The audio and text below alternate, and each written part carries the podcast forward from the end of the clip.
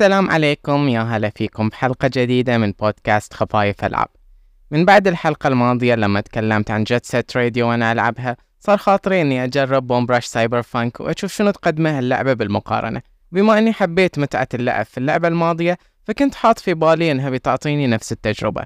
وش كثر كنت غلطان؟ اللي يقول إن Bomb Rush Cyberfunk مجرد لعبة Jet Set Radio فهو غلطان.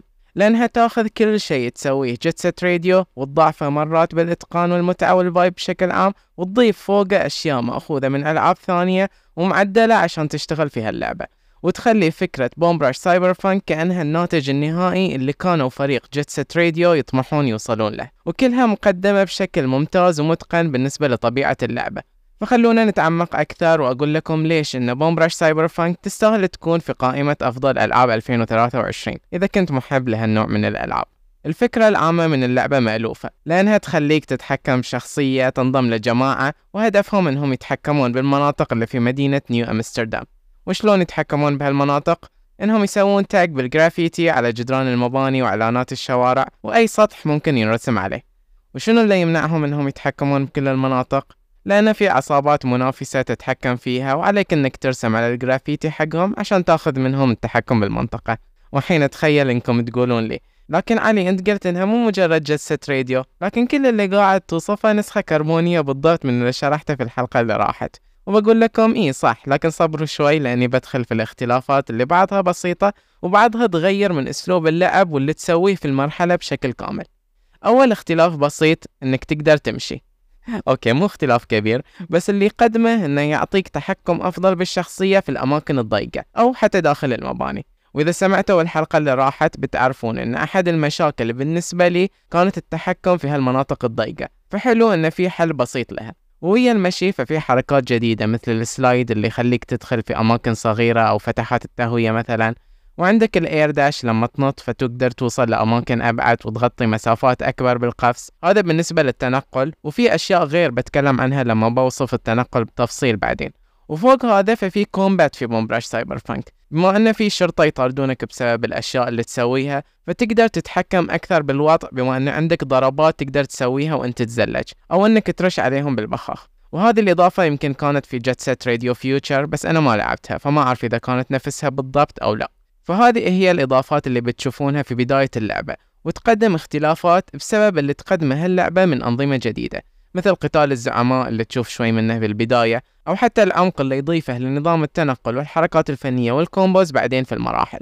إذا تتذكرون كلامي من حلقة Jet Set Radio بتعرفون إن ما في إلزامية حق الحركات الفنية بالتزلج لأنها كانت مجرد وسيلة للوصول للمناطق اللي فيها الجرافيتي.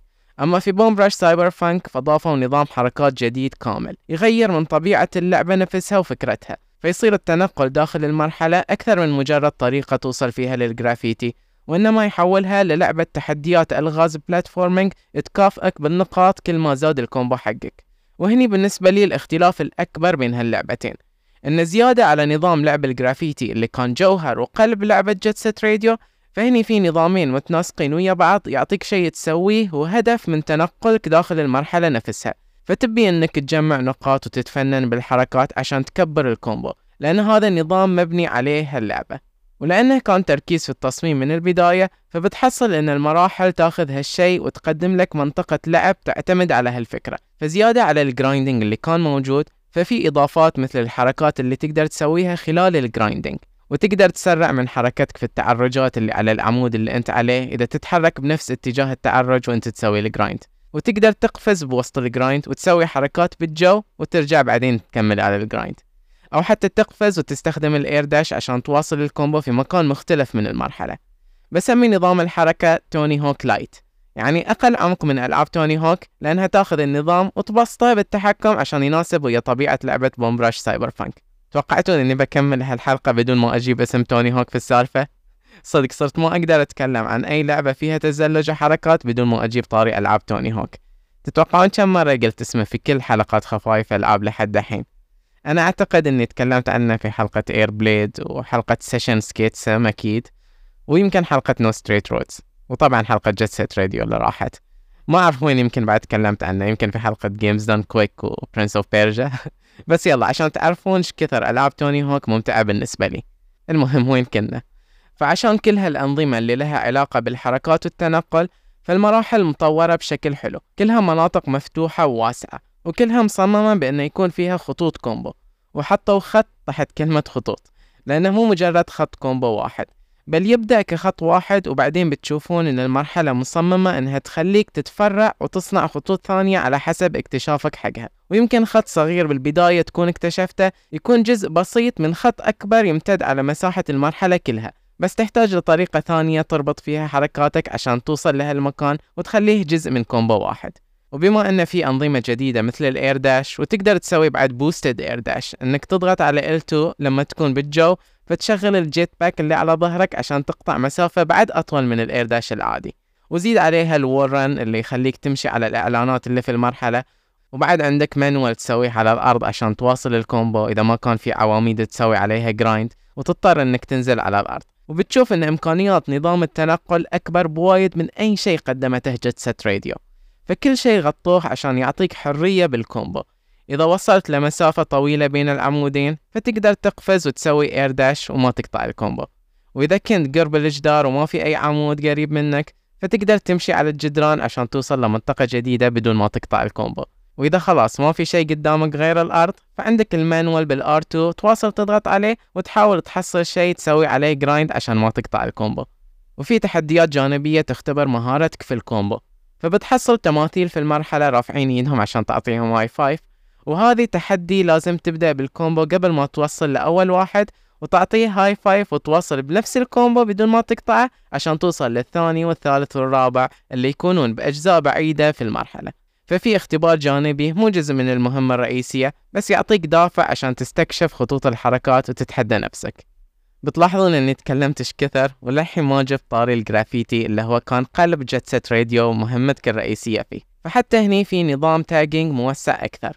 فعندك أكثر من رسمة تقدر تسويها على الجدار وبدل ما تكون بنفس نظام Jet Set Radio إنها تخليك تحرك عصا ال analog باتجاهات ورا بعض فأنت عندك حرية تختار الرسمة اللي تبيها وتتذكر شلون طريقة حركة العصا عشان تسوي هالحركة. فعندك مجموعة نقاط وأنت توصل بينها بالرش عشان تسوي الرسمة وعلى حسب النقاط اللي تستخدمها وتوصلها ببعض فتختلف بينها في الرسمة اللي بتعطيك.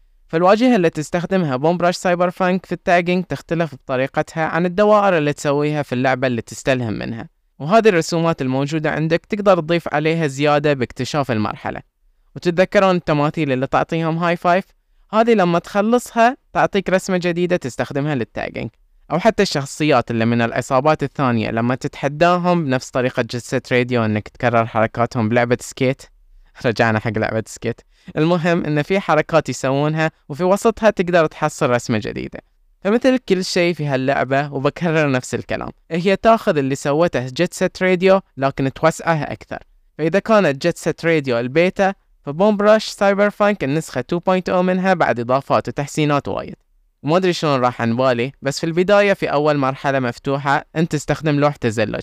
وقبلها كنت تستخدم حذاء ال inline skating بس بسبب أحداث تصير في البداية ما بحرقها عليكم فتصير تبدأ بسكيت بورد وفي اختلاف بسيط في استخدامهم مثل ال boosting وانت تركض بالحذاء مو موجود وانت تستخدم السكيت بورد وفي بعد دراجات تقدر تستخدمها. وعلى طاري الأحداث ففي شخصيات تتعرف عليها بعضها شريرة وبعضهم أصدقاء. وإذا كانت تصاميم Jet Set Radio غريبة فتصاميم الشخصيات هني مجنونة. وبشكل عام اللعبة بستايلها تميل أكثر لجانب ال cyberpunk فتشوف شخصيات عندهم augmentations غريبة وأشياء غريبة تصير في القصة بخليكم تكتشفونها بنفسكم. فبعيد وأكرر اللي قلته بالبداية اللي يقول إن Bomb Rush Cyberfunk مجرد Jet Set Radio فغلطان.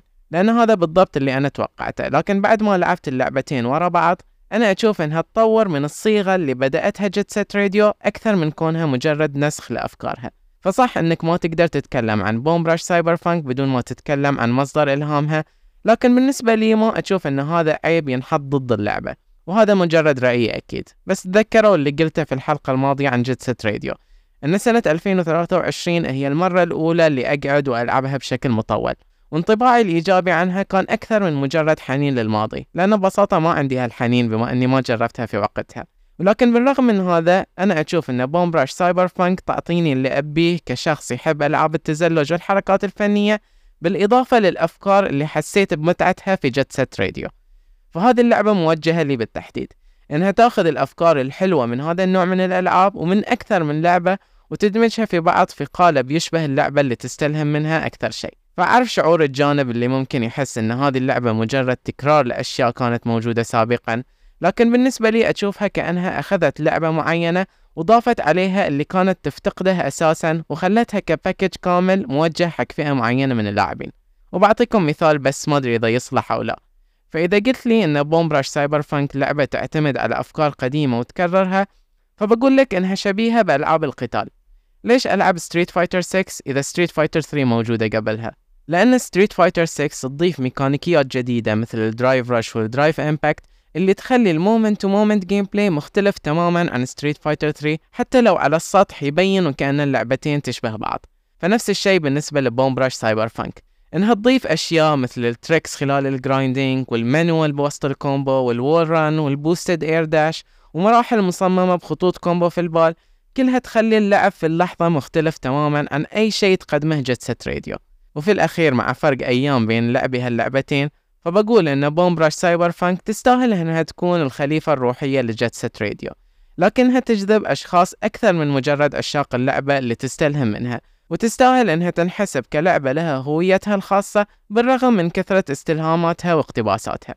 وبس هذا كل شيء عندي أقوله عن اللعبة. وسعيد إن بوسط موجة كبيرة من الألعاب لكن للحين في شيء موجه لكل شخص في عالم الألعاب. فعندنا الألعاب الكبيرة وعندنا الألعاب التجريبية والغريبة وعندنا ألعاب مثل هذه اللي تغطي فجوة في نوعية ألعاب مطلوبة وما تحصل حقها. وبالأخير فاللاعبين هم المستفيدين الأكبر من كل هالتنوع. وكان وياكم علي الساهي ومع السلامة.